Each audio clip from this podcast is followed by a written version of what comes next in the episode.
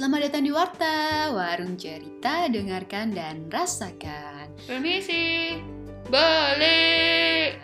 Halo Badis, udah kangen jajan di Warta belum nih? Jadi yang mau jajan cerita, silahkan sini-sini, ayo datang-datang sini kumpul, merapat-merapat. Eh, eh jangan rapat-rapat ya kan masih pandemi nih, harus jaga jarak. Oke, nah jadi yang mau jajan cerita, yuk sini ya, jajan di sini aja. Karena ada sajian baru nih masa-masa COVID-19, kalian yang udah diem di rumah aja sejak bulan Maret, gimana? Masih betah? Atau udah begah? Hmm, pasti sih ada yang masih betah, tapi ada juga yang udah ngerasa begah banget. Ditambah yang kerja atau sekolah dari rumah, wah, bukan cuma begah kayaknya, udah empet, risih, sebel, kesel, udah pokoknya tuh stres aja tuh numpuk doang kan ya. Nah rasanya tuh cuma pengen diem di rumah aja tanpa ada beban pikiran atau enggak ya jalan-jalan gitu kan ya. Fix sih parah. Jalan-jalan adalah obat sejuta penyakit. Iya gak sih Badis? Setuju gak sih? Segala penyakit tuh kalau udah kita refreshing pagi jalan-jalan, piknik atau apa tuh kayak rasanya tuh lebih lega gitu ya. Kecuali kalau emang sakitnya sakit fisik ya, sakit fisik yang harus bed rest atau apa ya kalian jangan jalan-jalan makin sakit nanti kan ya. Tapi jangan sakit-sakit lah ya, sehat aja. Oke. Okay. Nah, kalau kayak kalian tuh kan kalau di rumah lagi lesu, pasti tuh keluar rumah kan cari angin atau kalau lagi bosen pasti pergi keluar buat beli jajan atau sekedar lihat jalanan doang atau lihat suasana di jalan gitu kan. Ya ya cuma lihat-lihat aja sih nggak ada tujuan pasti. Tapi kan itu kayak ngilangin rasa bosen dan lesu nggak sih? Pasti sih ya aku yakin sih Badis pasti ngerasain itu gitu. Ya emang sih jalan-jalan tuh masih menjadi hal yang sering dipakai menjadi alternatif obat ya gak sih? Jadi nggak perlu ke psikolog atau apa ya jalan-jalan aja lah ya. Ntar bisa refresh sendiri gitu kan. Nah dulu tuh waktu masih awal-awal pandemi nah semua orang tuh masih semangat gitu kan ya masih mengutamakan untuk tetap di rumah aja ya kan? Badis pasti juga sama sih. Pasti bener-bener yang harus banget nih di rumah aja nggak usah pergi-pergi deh. Kalau nggak penting nggak perlu nggak usah pergi-pergi. Terus kalau ada orang asing nih datang ke rumah atau pesan makanan dari aplikasi gitu kan bener-bener yang orangnya tuh udah deh jaga jarak aja jaga jarak gitu kan. Atau orang rumah yang habis keluar gitu kan langsung disuruh mandi lah. Terus waktu udah denger motor atau ketukan pintu langsung siap-siap uh, disinfektan atau hand sanitizer gitu kan. Terus kalau ngobrol jaga jarak gak boleh deket-deket gitu kan ya. Masih inget gak sih waktu awal-awal gitu kita pandemi gitu? Wah itu kayaknya tuh baru kemarin tak tahu gak sih? Tapi rasanya tuh emang bener-bener udah lama tau. Karena ya kita di rumah mulu ya. Jadi rasanya tuh kayak baru kemarin padahal udah lama banget tapi ya sekarang udah agak lumayan ya orang-orang tuh udah pada longgar gitu Hmm, tapi ya tetap harus hati-hati, kan ini virus nggak kelihatan gitu kan. Apalagi kalau badis udah mau ngerencanain jalan-jalan ya nggak cuma keliling komplek doang, ya kan nggak yang cuma buat ngeringin rambut gitu keliling-keliling doang, enggak. Karena sekarang tuh berbagai objek wisata udah pada buka. Hmm, coba deh badis perhatiin sekitar badis. Itu tuh kayaknya di sekitar kota-kota kalian atau kota-kota deket-deket kalian tuh objek wisatanya udah pada buka kan? kayaknya emang udah mulai longgar ya sekarang tuh ya. Uh, terus keluar kota atau provinsi bahkan keluar pulau kayak kita ke ini orang Jawa mau ke Kalimantan atau Sulawesi kayaknya udah bisa ya sekarang udah dipermudah gitu. Nggak kayak dulu yang ketat banget kayak celana renang ya udah tahu kan ya celana renang ketat banget kan. Nah tapi sekarang tinggal siapin surat rapid. Ya kalau negatif ya monggo badis. Semua bisa pergi jalan-jalan ke mana aja. Tapi yang penting ada hmm, duitnya tuh ya harus ada duit. Karena kalau nggak ada duit ya susah juga ya buat jalan-jalan. Kalian nggak ada transport nggak ada beli makan masa iya? Jalan-jalannya puasa. Makannya cuma uh, apa nasi putih air putih nggak bisa nyicip-nyicip makanan khas dong. Nah kemarin nih hmm, aku ada perjalanan dari Boyolali kalian badis yang belum tahu Boyolali, jadi aku kasih tahu ya, Boyolali itu kota kecil, kota kecil ya sih, nggak terlalu kecil tapi ya kecil ya segitulah ya. ya jadi Boyolali itu kota yang deket Solo, Solo Jawa Tengah. Kalian pasti tahu kan kalau kota Solo. Nah pokoknya Boyolali itu deket Solo. Nah aku tuh ada perjalanan dari kota Boyolali ke Bojonegoro Jawa Timur kalau yang belum tahu juga Bojonegoro itu tuh kalau di maps itu tuh di atasnya Madiun. Ya dekat-dekat situ ya. Nah aku tuh ada perjalanan dari Bojonegoro nah dari Boyolali ke Bojonegoro terus mampirlah itu lanjut ke Malang terus waktu mau pulang lagi ke Boyolali aku lewat Surabaya. Hmm. lumayan ya uh, kalau dipikir-pikir kayaknya bakal makan banyak waktu gitu kan ya. Tapi enggak sih aku tuh berangkat dari rumah tuh Jumat pagi dan pulang lagi sampai rumah lagi tuh Minggu sore. Uh, tapi ya semua aman, asalkan sesuai protokol dan taat aturan aja. Jadi aku ceritain ya, aku mulai cerita nih jadi awalnya oh iya uh, alasan aku pergi ya itu bukan sekedar buat jalan-jalan bukan ya mentang-mentang udah mulai longgar ya kan udah mulai jalan-jalan gitu enggak sih. Sebenarnya waktu uh, apa alasan utamanya itu adalah silaturahmi ke tempat saudara gitu kan dulu waktu uh, awal pandemi kan juga deket-deket sama lebaran tuh ya puasa lebaran tuh kita cuma di rumah aja kan nggak boleh keluar-keluar gitu. Jadi waktu lebaran kemarin tuh bener-bener ya nggak ada saudara dateng kita juga cuma ke kerabat-kerabat deket-deket doang yang satu kampung doang gitu kan.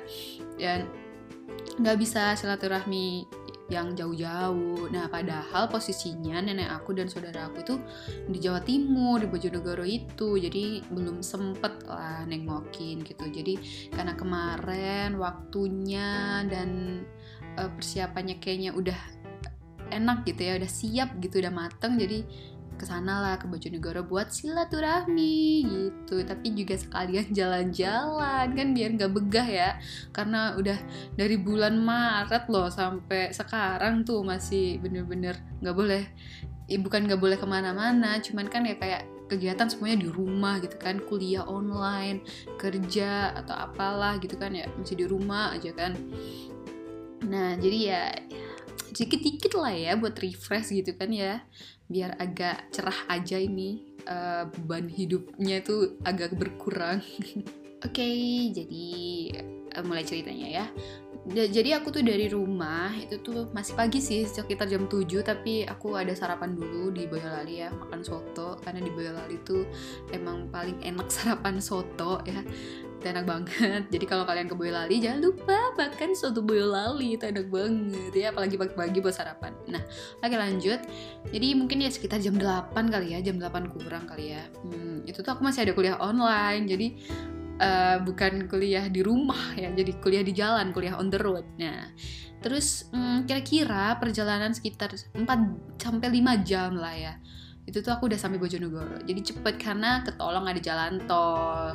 Coba kalau nggak ada jalan tol itu bener-bener hmm, lama banget. Mungkin bisa sampai 13 13-14 jam kali ya di jalan. Itu uh, iya kalau lancar gitu kan kalau ada apa capek jadi harus istirahat dulu. Terus kalau makan mampir dulu ke warung makan gitu kan. Atau isi bensin belum lagi kalau macet. Aduh makin lama itu tua di jalan kali ya. Bener-bener lama banget. Tapi karena ada tol ada jalan tol jadi lebih kebantu. Hmm, perjalanannya jadi lebih cepat tapi uh, tolnya itu nggak langsung sampai Bojonegoro-nya nggak. Jadi dari tol Boyolali aku perjalanan mungkin sekitar dua jam kali ya, dua jam, dua jam lebih dua dua setengah jam kali ya. Itu tuh udah sampai tol Ngawi. Tapi karena masih pandemi, masih banyak virus, di exit tol Ngawi itu ada kayak pemeriksaan gitu. Jadi waktu udah keluar tol Ngawi ada polisi yang jaga. Di situ polisinya tuh kayak nanya-nanya gitu loh nggak banyak sih cuma kayak nanya dari mana mau ke mana. Terus kayak ngecek uh, penumpang di dalam kendaraannya tuh udah pakai masker atau belum gitu. Terus jumlah penumpangnya uh, terlalu banyak atau enggak gitu kan ya. Jadi kalau ya buat jaga-jaga lah ya namanya. Aku sendiri juga karena dari luar kota mau ke kota yang lain, uh, keluar provinsi malah kan ya. Jadi emang lebih was-was lagi sih, tapi ya nggak apa-apa. Kita Bismillah dan selalu taat aturan aja. Karena aku dan sekeluarga sesuai protokol ya cus aja langsung ke rumah nenek dong ya. Nah dan di sana tuh di Bojonegoro sebenarnya nggak terlalu lama sih aku cuma sebentar. Ya karena di sana tuh walaupun aku diem di rumah terus ada kipas angin juga nyalanya udah kenceng banget udah minum es hmm rasanya tuh masih panas banget masih kayak aduh bener-bener gerah gitu ya. Ya gimana lagi? Kan aku tuh orang Boyolali. Notabene Boyolali itu adalah terletak di kaki Gunung Merbabu yang bener-bener suasananya hawanya itu dingin terus langsung tiba-tiba di hawa panas tuh ya bener-bener yang wah tidak kuat gitu kan ya. Aduh itu bener-bener ya. Nggak sih nggak tahu kenapa kalau di sana tuh emang bener-bener panas dan bikin gak betah sih apalagi jalanannya tuh sempit di tempat yang tempat saudaraku tuh lumayan sempit sih. Tapi lumayan sih sekarang karena jalannya udah lumayan bagus. Kalau zaman dulu tuh bener-bener kayak uh, aduh nggak tahu lagi deh itu jalan atau sungai yang nggak ada airnya. Tapi ya so far so good ya. Kemarin tuh karena ketolong perjalanannya yang cepet jadi nggak terlalu capek terus ya walaupun panas di sana dan nggak betah ada sih satu hal yang bikin aku lebih kayak um, aku tuh ke sini masih ada tujuan lain juga gitu. Jadi di sana tuh ada satu makanan khas namanya ledre. Ini bener-bener makanan khas Bojonegoro. Kalian gak, nggak bakal nemu di mana-mana lagi karena cuma ada di Bojonegoro doang. Toh di Bojonegoronya juga tuh nggak terlalu banyak tiap toko jajar-jajar gitu nggak sih. Ya tokonya tuh lumayan berjarak-jarak juga. Jadi ya begitulah. Nah ledre ini tuh bentuknya kayak semprong gitu ya. Tahu semprong kan ya? Kayak semprong gitu lonjong lonjong panjang gitu. Eh nggak ya ya kayak gitu ya bulat bulat panjang. Bulat kan lonjong sih? Ya gitu. Tapi tipis banget tapi renyah dan itu enak banget. Kalian yang jalan-jalan ke Ngawi atau mana lah ya yang di Jawa Timur coba sempetin lah ke Bojonegoro. Mungkin kalian masih asing sama nama Bojonegoro tapi kalian wajib banget ke Bojonegoro apalagi beli ledre. Itu bener-bener kalian harus coba. Itu favorit sih favorit banget buat aku karena memang gimana ya dari kecil aku tuh dari sana tiap dari sana gitu ya atau main ke sana itu tuh nggak pernah absen yang namanya buat beli ledre. Kalau udah beli ledre nih udah di toko oleh-olehnya uh kalap kalap banget.